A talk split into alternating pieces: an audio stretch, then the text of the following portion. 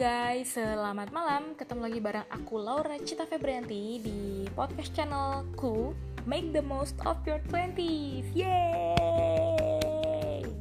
Akhirnya kita ketemu lagi setelah sebulan terpisahkan oleh jarak dan waktu ya.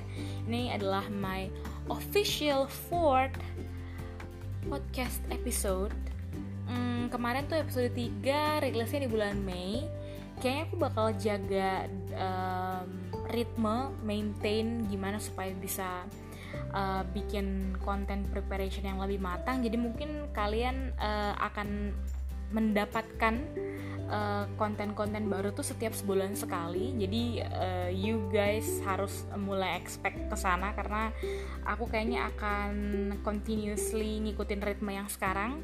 Setiap bulan kita rilis satu uh, topik yang aku sharing di podcast dan juga sekaligus di uh, blog post. Jadi rilisnya barengan gitu. Gak kerasa anyway ini udah bulan Juni aja Udah pertengahan tahun 2019 Kayaknya baru kemarin banget tahun baruan uh, eh, 2019 ya guys tahu-tahu udah bulan 6 aja. Uh, mungkin ini bisa jadi sebuah momen kita untuk bisa flashback juga ke belakang. Di lima bulan ke belakang apa aja yang udah kita lakukan sehingga bisa menjadi uh, parameter juga buat kita melakukan um, uh, persiapan untuk 7 bulan ke depan termasuk dari Juni ini sampai akhir tahun 2019 apa yang harus diprioritaskan, apa yang perlu dipersiapkan, apa yang bisa dijadikan pelajaran dari apa yang udah kita uh, dapatkan dan kita rasakan di lima bulan ke belakang. Oke, okay, speaking of my fourth official podcast um, episode, ini kita akan mulai masuk ke tema utamanya manage the gap your expectation and your reality. Here we go. People lost because they want think fast when life is long. Itu kata Gary Vaynerchuk.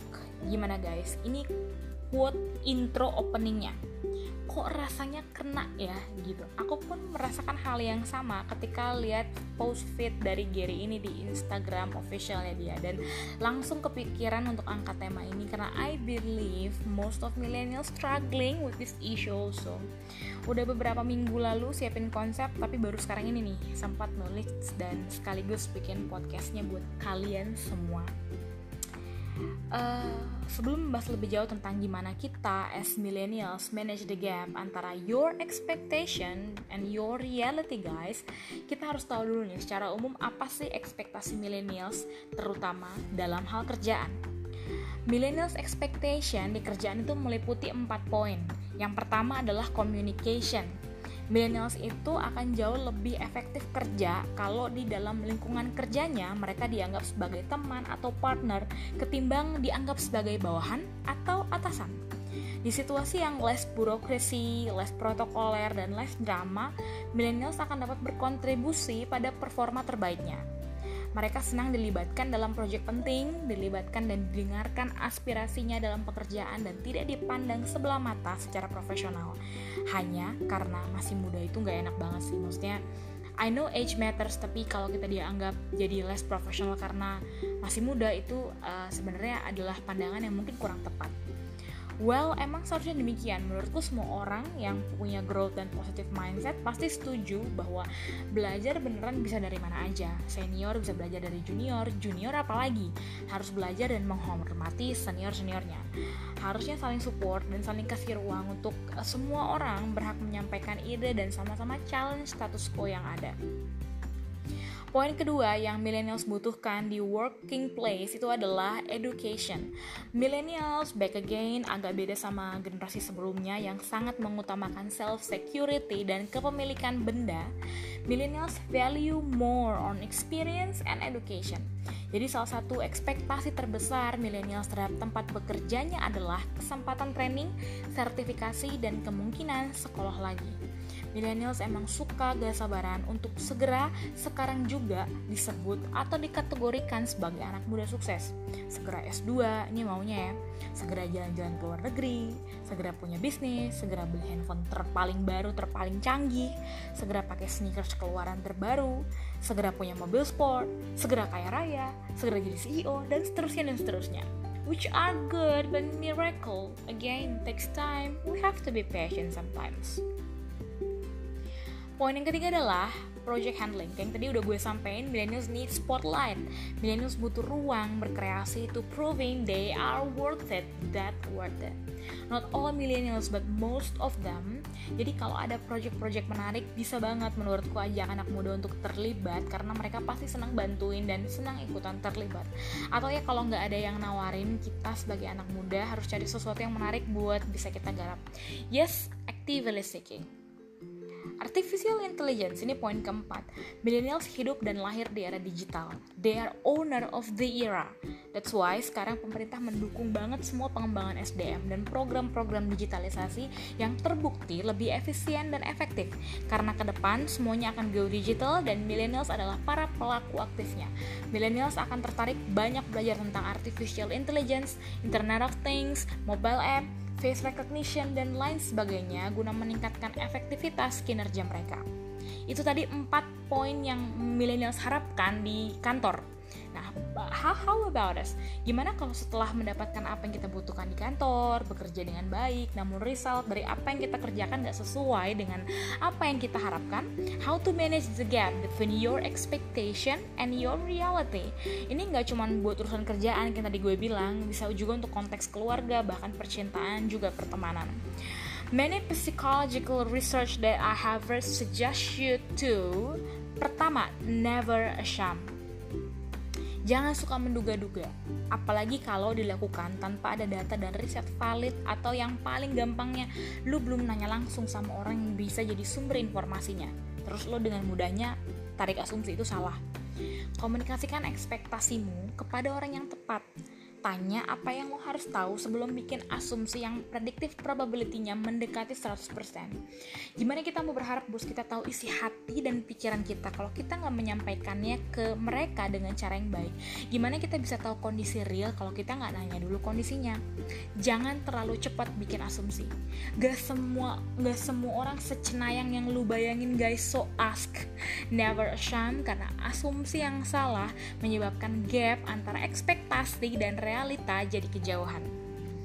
Yang kedua yang harus kita lakukan ketika kita uh, tidak mendapatkan apa yang kita harapkan nih misalnya adalah realize that removing expectation from your relationships both personal and professional is not only wise but kind ini sih emang simple tapi menurut gue paling benar. Bisakah kita hidup tulus jujur bekerja keras dan maksimal? Tak kenal pamrih karena memang kita mau melakukannya buat buat buat Tuhan buat diri sendiri buat keluarga bahkan bangsa dan negara. For greater good That's the question. Kalau kita udah sampai di titik itu pada hidup, we don't need to manage the gap because we live without expectation. We fully live in our reality today and only want to give the best of our ourselves. Karma does exist, I believe. You plant mango, you get mango. If you plant apple, never expect you will get banana unless it is on your assumption only. Kalau kita selalu berikan yang terbaik, suatu saat nanti kita pasti mendapatkan hasil usaha kita, karena usaha tidak akan mengkhianati hasilnya. Jangan gantungkan ekspektasimu sama orang lain, because in fact, emang orang lain bisa banget mengecewakan lo gitu ya. You think you're good enough for this, but you missed what you think you deserve to get. It's happened a lot. It's happened a lot. Jadi, apa karena itu mau berhenti? Mau burnout? Mau ngambek? What makes your heart breaks really hard. Your expectation is it is yours. Since expectation is always easier and lighter than what exactly happens, zero expectation, give and love without limit is key. Atau bisa lo tetap punya ekspektasi, tapi gap antara realita dan impian harus dijaga supaya tidak ada kekecewaan yang terlalu besar kalau kalau nggak kesampaian. Expect for the best, prepare for the worst. Buat millennials yang gak sabarannya agak keterlaluan uh, I've been there guys. Gue juga sama gitu ya. Gak sabarannya emang gak keterlaluan nih. Uh, letting go is not that easy but but we all know we can yang ketiga ini poin terakhir untuk bisa surviving this problem, enjoy what your life looks like today. Don't mistake expectation for goals. Apa sih syarat agar kamu bahagia? Harus punya mobil X baru bahagia? Harus nikah umur sekian kah baru happy? Harus lolos IELTS dulu kah baru merasa sempurna? Atau harus masuk perusahaan XXX baru disebut sukses? It's okay to create goals for me personally. It's okay to create standards so you can achieve more, but don't let your happiness defined by your expectation. With or without things that you think you have to get in order to be successful or, or happy, you already happy, you already successful. You have all good things in life health, love, life you take for granted. Nikmati dan bersyukur pada hidup yang kita miliki. Always give your best. Push harder if needed but never expecting too much apalagi sama mantan eh bukan maksudnya sama orang lain Semoga mencerahkan dan membantu ya guys. You're still young. Things maybe not working out today, but who knows tomorrow? You have 5, 10, 15, 20, 25 or even more than 30 years to trying something new. You cannot rush things you are not ready to get. You can faking or manipulating times and experience gave great things take times millennials gitu ya guys uh, also find my uh, blog post version juga di channel uh, blog gue it's Laura Cita Sanctuary di lauracitafebrianti.blogspot.com So thank you so much for listening to me guys. Mudah-mudahan ini membantu kalian, apalagi kalau yang dengerin ini pas lagi menghadapi masalah yang sama tentang gimana dia managing the gap antara uh, realita yang terjadi dengan ekspektasi yang udah terlanjur dia bikin. Jadi mudah-mudahan ini membantu kita semua karena anyway guys I feel you I've been there gue juga masih muda kita sama-sama belajar dan ini eh, nggak uh, bermaksud untuk uh, menggurui atau apa tapi lebih ke gimana kita bisa sharing semangat positif konten positif uh, positif insight untuk sama-sama bisa saling support dan saling me me menguatkan ya supaya bisa sama-sama uh, jadi pribadi yang lebih baik, anak muda yang lebih produktif di usia 20-annya. Oke okay guys, thank you so much. Thank you so much udah dengerin gue. Jangan lupa untuk selalu stay tune di channel ini. Uh, soon kita pasti bakal rilis podcast episode kelima di bulan 7 atau bahkan mungkin lebih cepat. Uh, tergantung seseru apa nanti konten berikutnya.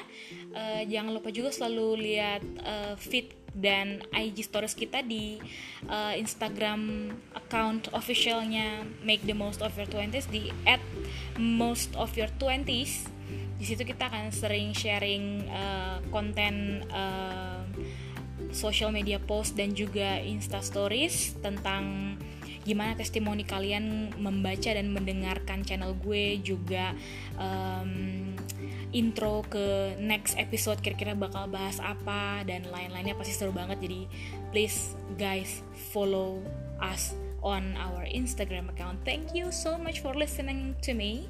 See you guys on next episode. Bye.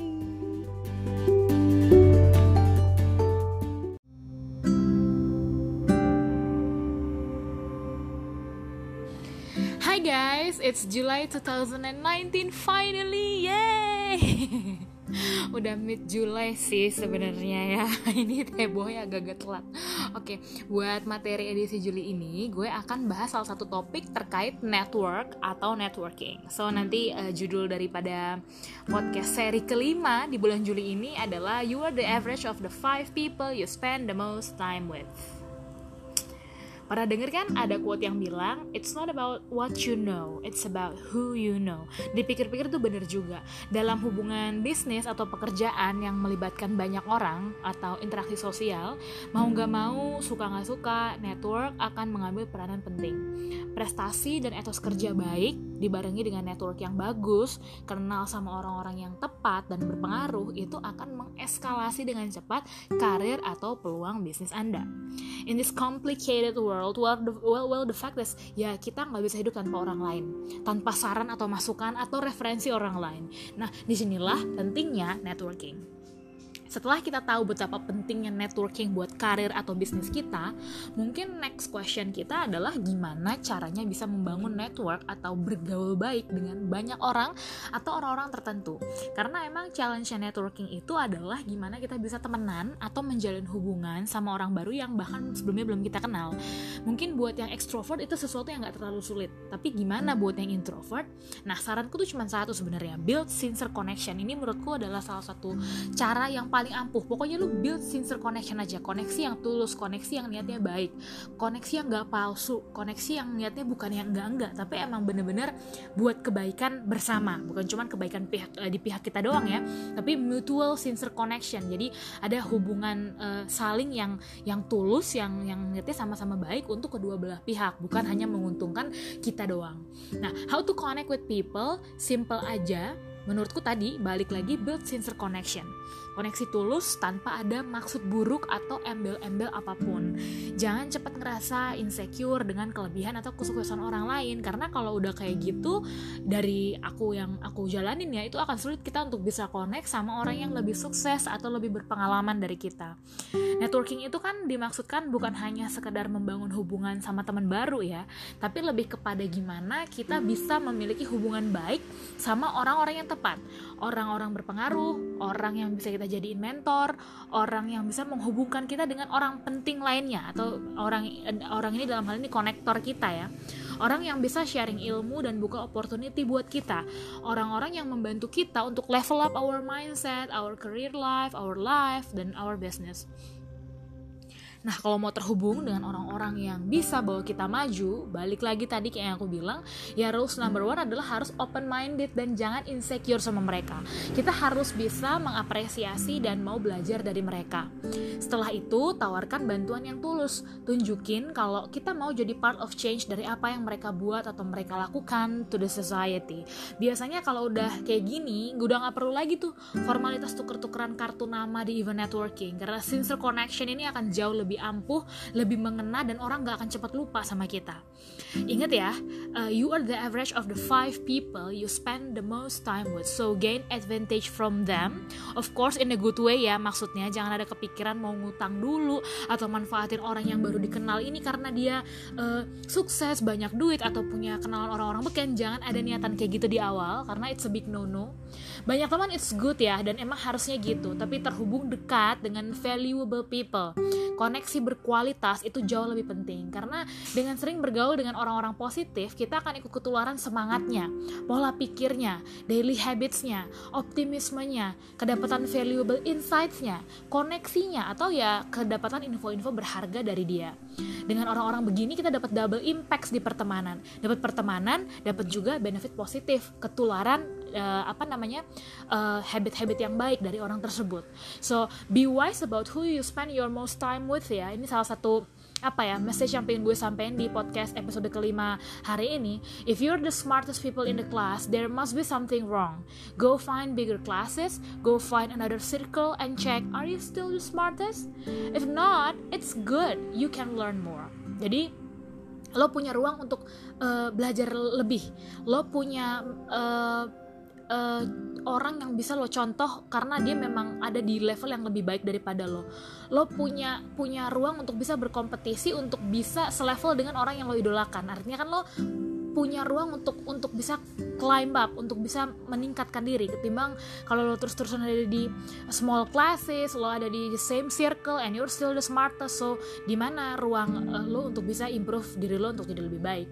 Well terakhir gue mau ingetin juga bahwa ada cost of networking ya. Ya ya bi biasa lah ya biaya pertemanan biaya sosial biaya ngopi-ngopi ongkos main atau hangout sama temen biaya kado buat temen yang ulta atau baru lahiran.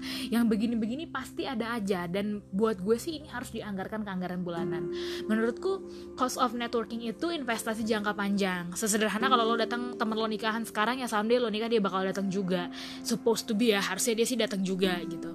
Ini juga berlaku buat uh, your valuable connections ya. Lo datang ke seminar dia lo beli bukunya dia. Itu juga bentuk cost of networking yang suatu saat ketika lo butuh bantuan lo butuh insights atau bahkan peluang baru yakinlah mereka akan menolong dengan tangan terbuka You only reap what you sow, so keep sowing good.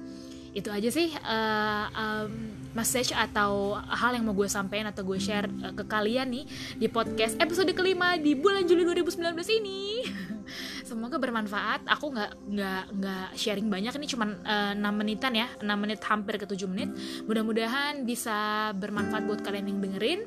So guys please stay tune in my uh, podcast channel karena nanti bulan Agustus 2019 kita akan rilis lagi yang episode yang ke 6 uh, dan seperti yang selalu gue uh, sampaikan uh, podcast voice konten gue ini align sama konten blog blog gue yang gue tulis di uh, blog lauracitaFebrianti.blogspot.com So guys, lo bisa bisa uh, juga cek uh, blog gue karena uh, tema bulanannya sama dan dan apa yang gue sharing di sini satu line konten dengan yang gue share di blog. So thank you guys, thank you udah dengerin cuap-cuap gue di hari Minggu pagi ini. Uh, see you di next episode of my podcast. Uh, thank you so much, bye.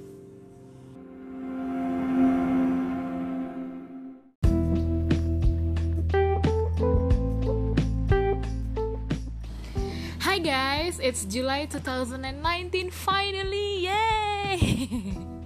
Udah mid July sih sebenarnya ya. Ini hebohnya agak-agak telat.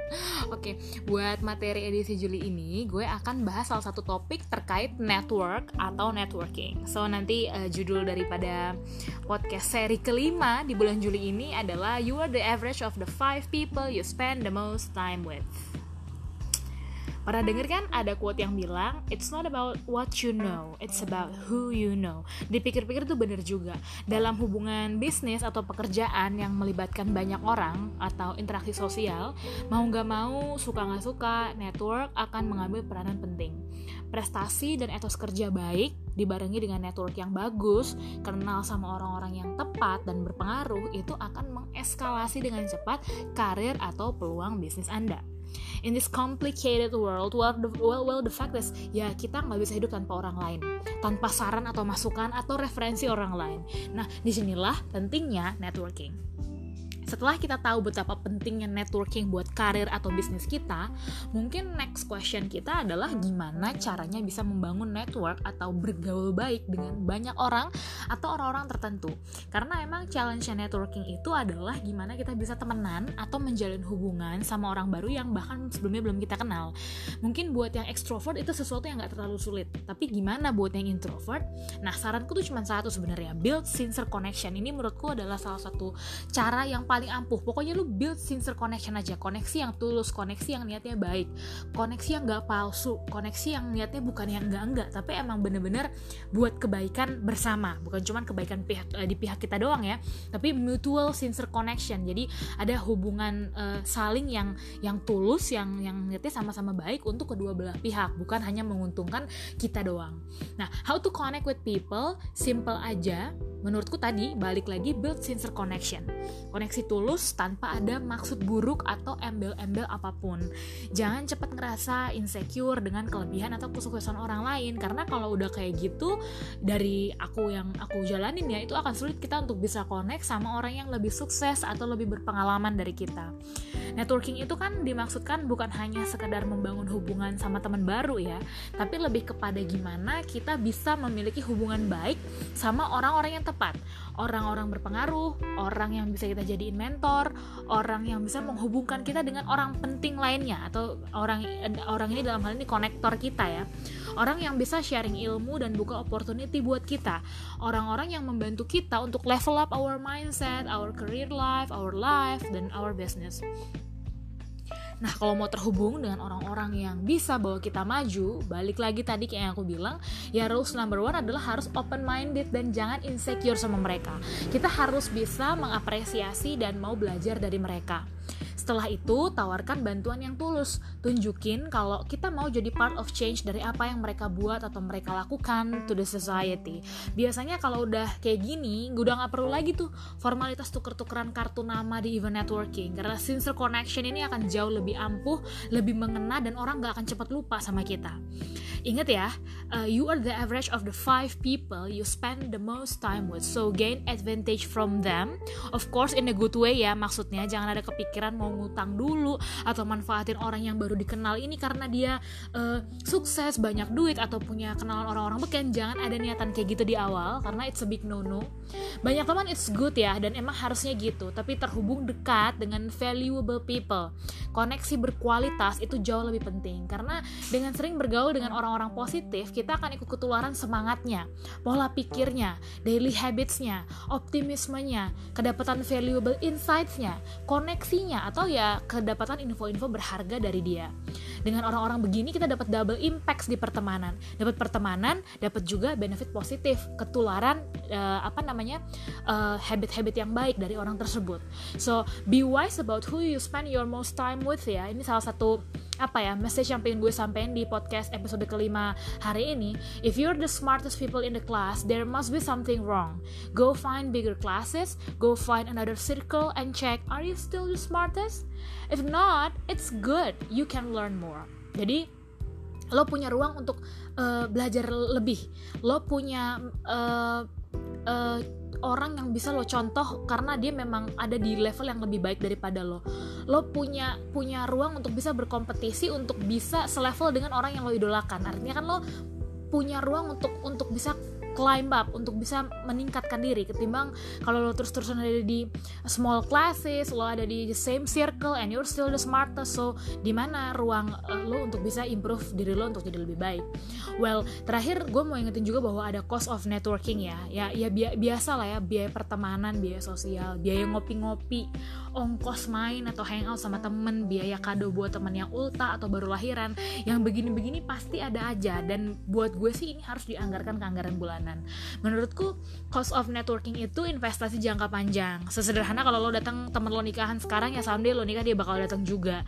Supposed to be ya harusnya dia sih datang juga gitu.